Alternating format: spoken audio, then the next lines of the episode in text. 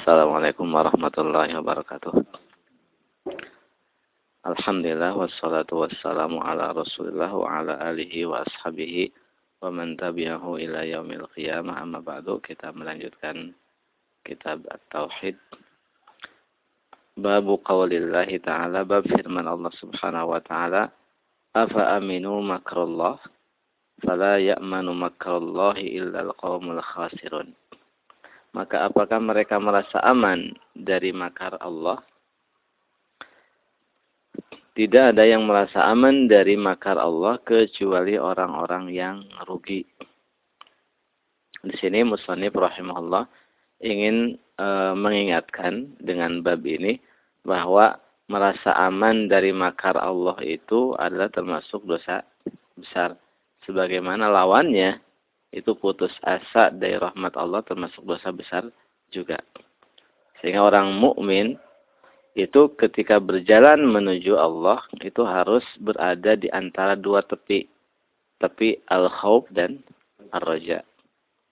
Antara rasa takut dan e, berharap.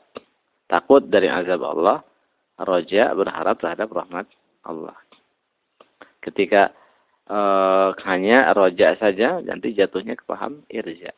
Ketika khauf saja nanti jatuhnya ke paham khawarij. Karena orang irja mereka hanya pegang hadis apa nas janji aja. Kan dalam hadis juga barang siapa mengucapkan la ilaha illallah pasti masuk surga. Akhirnya apa? Merasa cukup dengan mengucapkan la ilaha illallah, tidak sholat, tidak beramal, dosa dilakukan. Kan Allah maha pengampun.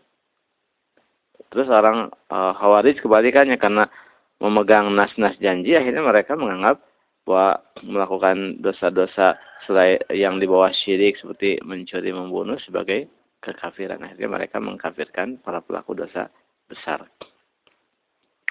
Jadi harus e, menggabungkan antara khauf dan ar-raja.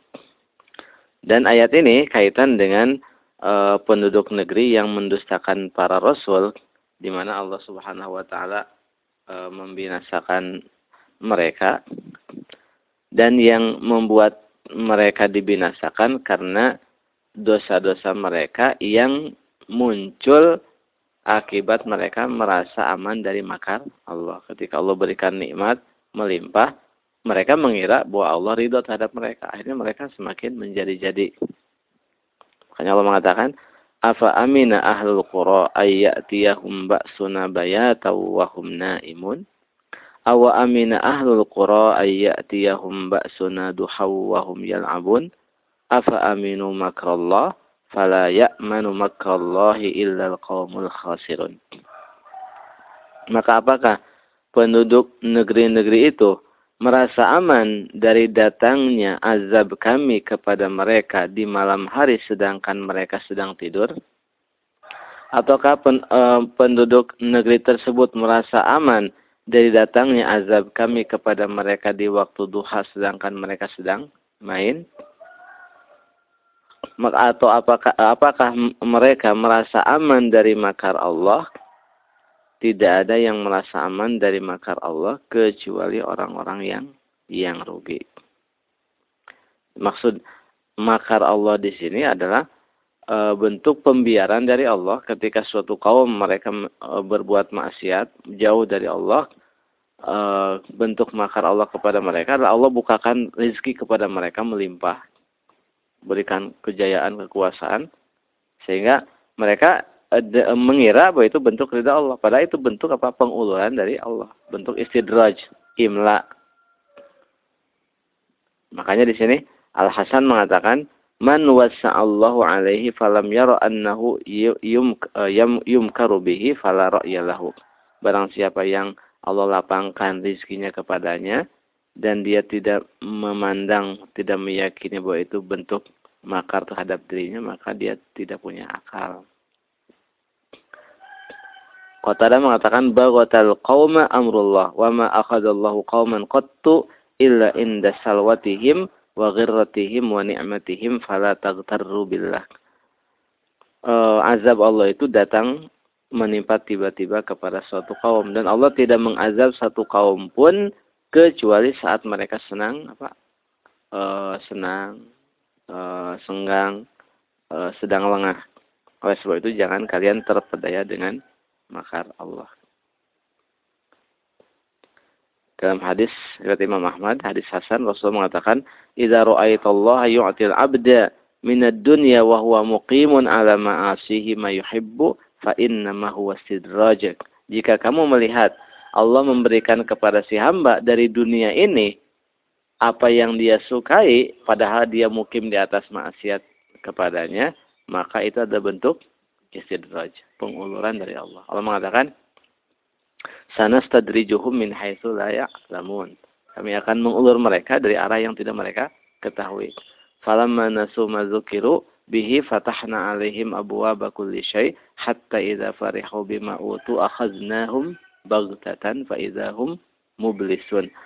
Uh, sehingga ketika mereka melupakan apa yang diingatkan kepada mereka ajaran Allah maka kami bukakan kepada mereka pintu-pintu segala kemudahan. Rizki kekuasaan. Jadi rizki mudah apa melimpah. Sehingga ketika mereka bangga diri dengan apa yang mereka dapatkan maka akhaznahum baghtatan. Kami azab mereka secara tiba-tiba. Sehingga mereka binasa. Jadi Allah ulur kasih ulur kan. In, dalam hadis innallaha la yumli zalim hatta idza akhadhahu lam yuflithu. Sesungguhnya Allah mengulur kepada orang zalim buka kemudahan. Sehingga ketika apa? Eh, Allah mengazabnya dia tidak apa? Tidak bisa lepas. Jadi aman dari makar Allah. Di sini Ismail ibnu Rabi mengatakan Eh, minal amni min makrillah iqamatul abdi ala zambi yatamanna ala Allahil maghfirata. Uh, di antara bentuk merasa aman dari makar Allah itu adalah uh, si hamba, seorang hamba mukim menetap di atas dosa, terus dia berangan-angan ampunan dari Allah. Jadi orang berbuat dosa, dia ketika diingatkan apa? Allah kan maha pengampun. Itu bentuk apa? merasa aman dari makar Allah. Atau ketika diingatkan orang atau dilarang dari kemungkaran, dia mau biarkan. Allah kan Maha Pengampun. Itu namanya bentuk merasa aman dari makar Allah. E, sebagian salaf juga menafsirkan bentuk am, makar Allah itu adalah yastad, yastadrijuhumullahu bin ni'am idza asauhu wa yumli lahum Thumma ya'khudhuhum akhza azizim muqtadir. Allah mengulur mereka dengan nikmat bila mereka berbuat maksiat. Allah beri ulur terus sehingga ketika Allah mengazabnya, mengazab secara sekaligus. Itu maksud merasa aman dari makar Allah. Makanya Allah ketika mengazab suatu kaum itu di atas puncak apa? Kezalimannya, di atas puncak kejayaannya kaum Ad. Allah apa? Azab ketika mengatakan apa? Man asyaddu minna. Siapa yang lebih hebat dari kami? Kayak Amerika kan, super power kan, klaim. Maka apa? Langsung fa'arsalna alaihim rihan sarsaran fi ayyamin nahisat. Allah kirim apa? Angin, topan. Kalau Amerika Allah kirim badai tornado itu kan. Ya. Atau badai Katerina itu mereka di atas puncak apa kemaksiatannya uh, Firaun ketika mengatakan ana rabbukumul a'la itu kan puncak apa Kema, uh, ke apa kemaksiatan dan bentuk kean apa melampaui batasnya. Maka apa? Fa akhadhahullahu nakaral akhirati wal ula. Jadi itu di atas puncaknya.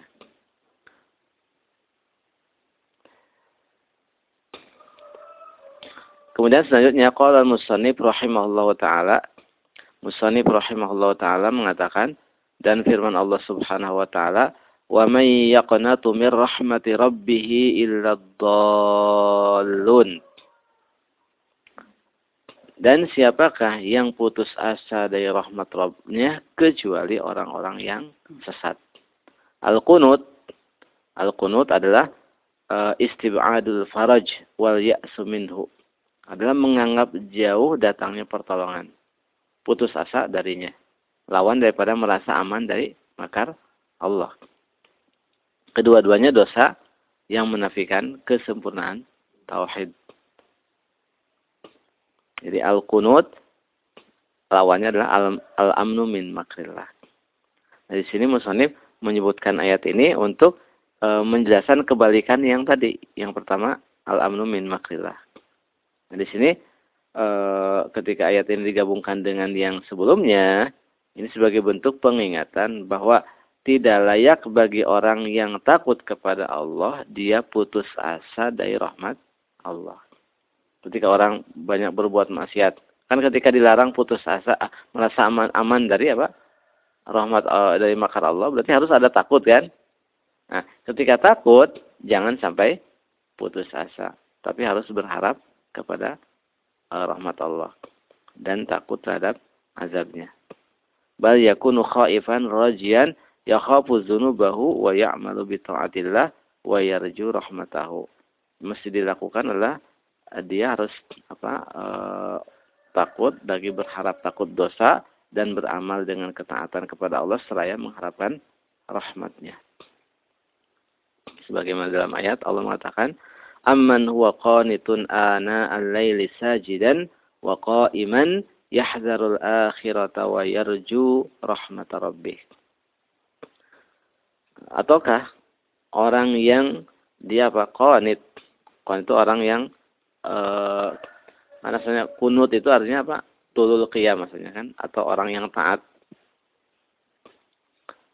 di malam hari sajidan melakukan itu salat atau eh, apa tekun ibadah eh, di malam hari sujud dalam keadaan sujud dan berdiri seraya apa takut kepada akhirat dan mengharapkan rahmat Rabbnya. Di sini apa? Yahzarul akhirah wa yarju rahmat Rabbi. Takut dan berharap. Juga Allah Subhanahu wa taala mengatakan innalladzina amanu walladzina hajaru wa jahadu fi sabilillah ulaika yarjuna rahmatallah wallahu ghafurur rahim. Sesungguhnya orang-orang yang beriman dan orang-orang yang hijrah dan berjihad di jalan Allah, mereka itu orang-orang mengharapkan rahmat Allah. Jadi roja itu dilakukan ketika sedang berbuat ketaatan bukan ketika sedang berbuat maksiat. Jadi e, justru berharap ketika sedang e, berharap rahmat Allah di saat dia melakukan perbuatan maksiat dan dia meninggalkan yang diperintahkan itu justru tipu daya dari dari setan.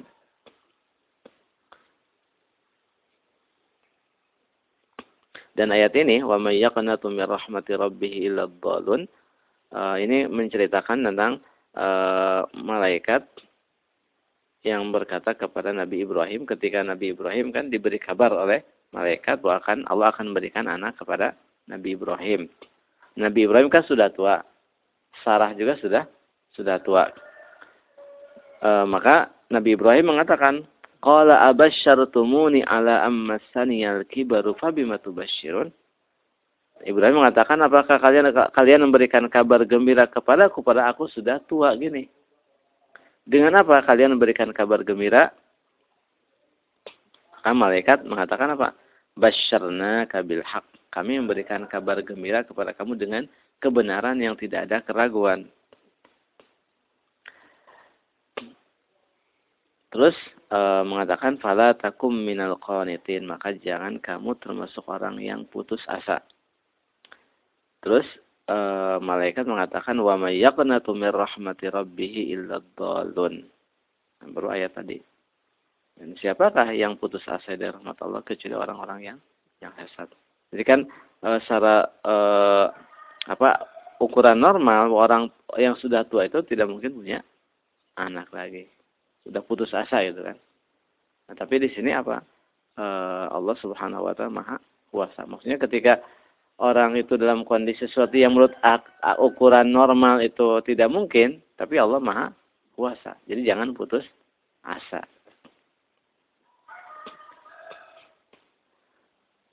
Dan makna illad dolun di sini adalah illal mukhti'una tariqas sawab. Itu orang-orang yang salah jalan, salah meniti jalan. Dan juga ada tafsiran lagi bahwa itu maknanya kafir karena Allah mengatakan nama ayat yang lain innahu la yai'asu mir rauhillah illal qaumul kafirun. Ketika Nabi Yakub memerintahkan putra-putranya untuk mencari Nabi Yusuf, Nah, kata Nabi Yusuf, eh, Nabi Yakub jangan putus asa dari rahmat Allah karena tidak ada yang putus asa dari rahmat Allah kecuali orang-orang yang yang kafir. Itu tadi dari dari Al-Qur'an. Sekarang dari As-Sunnah tentang uh, bab ini. Mustanif rahimahullah taala mengatakan wa an Ibnu Abbasin radhiyallahu taala anhuma anna Rasulullah sallallahu alaihi wasallam suila 'anil kaba'ir faqal asyirku billah wal ya'su min rauhillah wal amnu min makrillah bahwa Rasulullah SAW ditanya tentang dosa-dosa besar. Maka beliau mengatakan asyirku billah, menyekutukan Allah. Kedua, al-ya'su mirrauhillah, putus asa dari rahmat Allah. Dan ketiga, wal amnu min makrillah, merasa aman dari makar Allah. Jadi syirik selalu di apa? Di depan kan setiap Rasul ditanya tentang dosa apa yang paling besar selalu apa? Syirik. Dan kenapa selalu diingatkan syirik? Karena syirik itu uh, dirasa oleh banyak orang bukan apa hal yang merugikan. Kayak orang, apa ruginya sih orang uh, ngelarang-larang orang yang buat tumbal? Kan tidak merugikan kamu. Ya.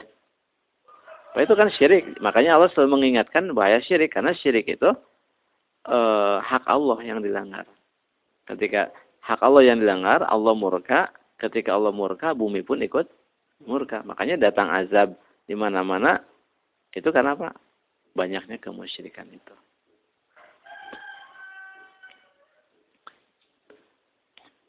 Inna syirka la zulmun azim. Semuanya kemusyrikan itu kezaliman yang sangat besar.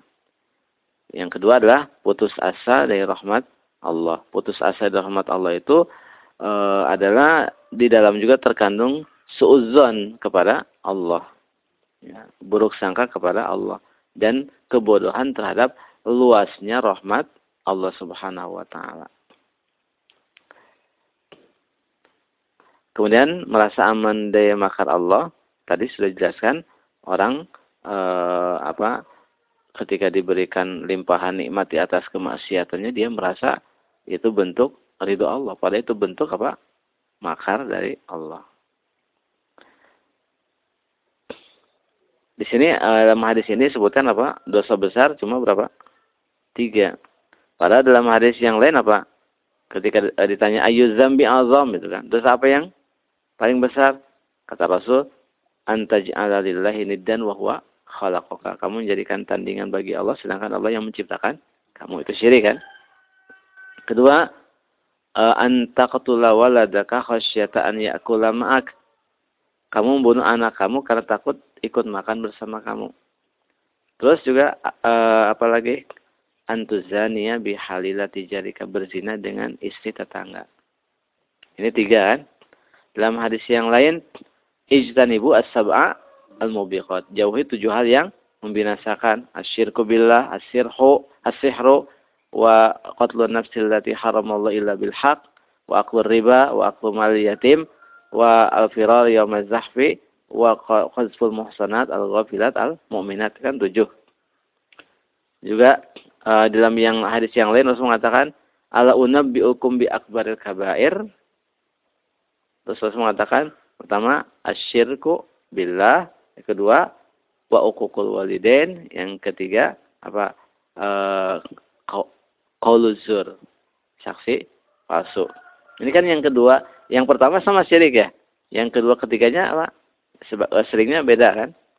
Dalam hadis yang lain ditanya e, mal kabair yang pertama Rasul menyebutkan asyirku billah. Kedua wa uququl walidain. Yang ketiga al yamin al gomus. Sumpah palsu. Jadi apa e, banyak itu karena batasannya apa batasan dosa besar itu. Di sini para ulama muhakkikun memberikan e, apa dobit batasan untuk dosa besar itu kullu zambin khatamahullahu binarin au la'natin au ghadabin au azabin. Setiap dosa yang dipungkas oleh Allah Subhanahu wa taala dengan apa? neraka atau apa? laknat atau murka atau azab. Ibnu Taimiyah menambahkan awan nafil iman, penapian keimanan. Syekh Abdurrahman Ibnu Hasan menambahkan eh, apa keberlepasan Rasulullah dari orang yang melakukannya. Nah, kan dengan api neraka banyak kan dalam Al-Qur'an ancaman bagi orang-orang yang melakukan dengan uh, dosa diancam dengan api neraka berarti itu dosa besar atau dengan laknat ya. atau dengan murka atau dengan azab atau penapian keimanan atau uh, apa keberlepasan Rasulullah itu banyak kan nas-nas dalam Al-Quran juga dalam Al-Hadis makanya Ibnu Abbas mengatakan dosa besar itu hiya ila sab'i mi'atin aqrabu ila sab'in. Yaitu lebih dekat kepada 700 daripada kepada 7. Karena ada yang mengatakan 7 itu kan. Justru kata Ibnu Abbas lebih dekat 700 daripada ke 7. Tapi ghairu annahu la kabirata ma'al istighfari wala saghirata ma'al israri. Akan tapi tidak ada dosa besar kalau disertai minta ampun dan tidak ada dosa kecil kalau disertai terus menerus. Kan kalau kerikil yang namanya gunung, kumpulan apa? Pasir kecil kan, kumpul jadi apa? Bukit. Maksudnya kalau dosa kecil dikumpulin, jadi besar. Tapi dosa besar dilakukan sekali ditobati hilang gitu kan. Kemudian Musanif rahimahullah mengatakan wa an ibnu Mas'udin qala akbarul kabair al isyraku billahi wal amnu min makrillahi wal qunutu min rahmatillahi wal ya'su min rawhillahi rawahu Abdul Razzaq Ibnu Mas'ud mengatakan dosa besar yang paling besar itu pertama menyekutukan Allah, kedua merasa aman dari makar Allah, ketiga al-qunut min rahmatillah, putus asa dari rahmat Allah dan yang keempat al-ya'su min rahmatillah sama bahasa kitanya putus asa di rahmat Allah. Cuma al-qunut, al-qunut itu lebih apa? Lebih parah dari al-ya'su. Makanya di sini sebutkan al-qunutu asyaddu al-ya'si. Putus asa yang paling paling apa? paling tinggi.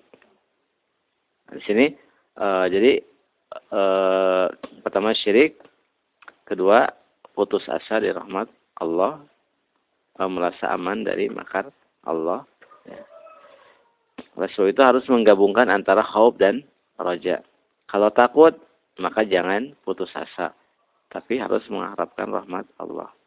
Dan di sini salaf e, mereka menganjurkan bahwa orang itu ketika kondisi sehat agar lebih mengedepankan rasa khauf. Ketika kondisi sehat, harus dianjurkan mengedepankan rasa khauf dan ketika sakit dikedepankan apa? roja. Didominankan roja. Kenapa? Kalau sehat supaya apa? Kita ketika sehat banyak ber, apa, berbuat ketaatan dan menjauhi apa? kemaksiatan ketika rasa takut dikedepankan ketika kita sehat. Nah, ketika sakit, sakit itu kan ya gelagat menuju apa? kematian. Dianjurkan untuk apa? Eh, banyak berharap. Tentunya kan tadi kan disebutkan berharap itu dengan disertai apa? Ketaatan. Kan dalam e, hadis disebutkan orang dianjurkan apa? Untuk ketika berjumpa dengan Allah dalam keadaan apa? Husnuzan, berharap kepada Allah. Di sini e, itu merupakan tariqah Abu Sulaiman Ad-Darani dan yang lainnya. Beliau mengatakan, "Wa yanbaghi lil qalbi an yakuna al-ghalibu 'alaihi al-khauf." Fa'idha golabar raja'ul khawfa fasadal qalbu. Senan, sem, apa seyogianya hati itu didominasi oleh rasa khauf. Kalau roja yang mengalahkan khauf, maka hati akan rusak. Itu makanya kan ketika irja di tengah masyarakat e, mendominasi, maka apa? Kerusakan kan, maksiat di mana-mana. Itu kenapa? saja. Ah, mungkin kan saya muslim udah mengucapkan la ilaha illallah kan Rasul mengatakan kalau orang sudah mengucapkan la ilaha illallah apa? Masuk surga. Akhirnya apa? Nggak sholat. Itu karena irja. Masail yang ada dalam bab ini adalah tafsir ayatil Arab, penafsiran surat Al-Arab tadi tentang masalah aman, merasa aman dari makar Allah.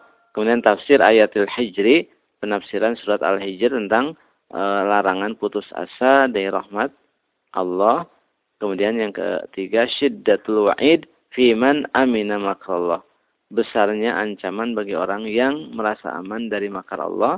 Dan keempat syiddatul wa'id fil kunuti. Besarnya ancaman pada sikap putus asa dari rahmat Allah Subhanahu wa taala. Wassallallahu ala nabiyina Muhammadin wa ala alihi wa wasallam. Subhanakallahumma bihamdika asyhadu an la ilaha illa anta astaghfiruka wa atubu ilaik. Wassalamualaikum warahmatullahi wabarakatuh.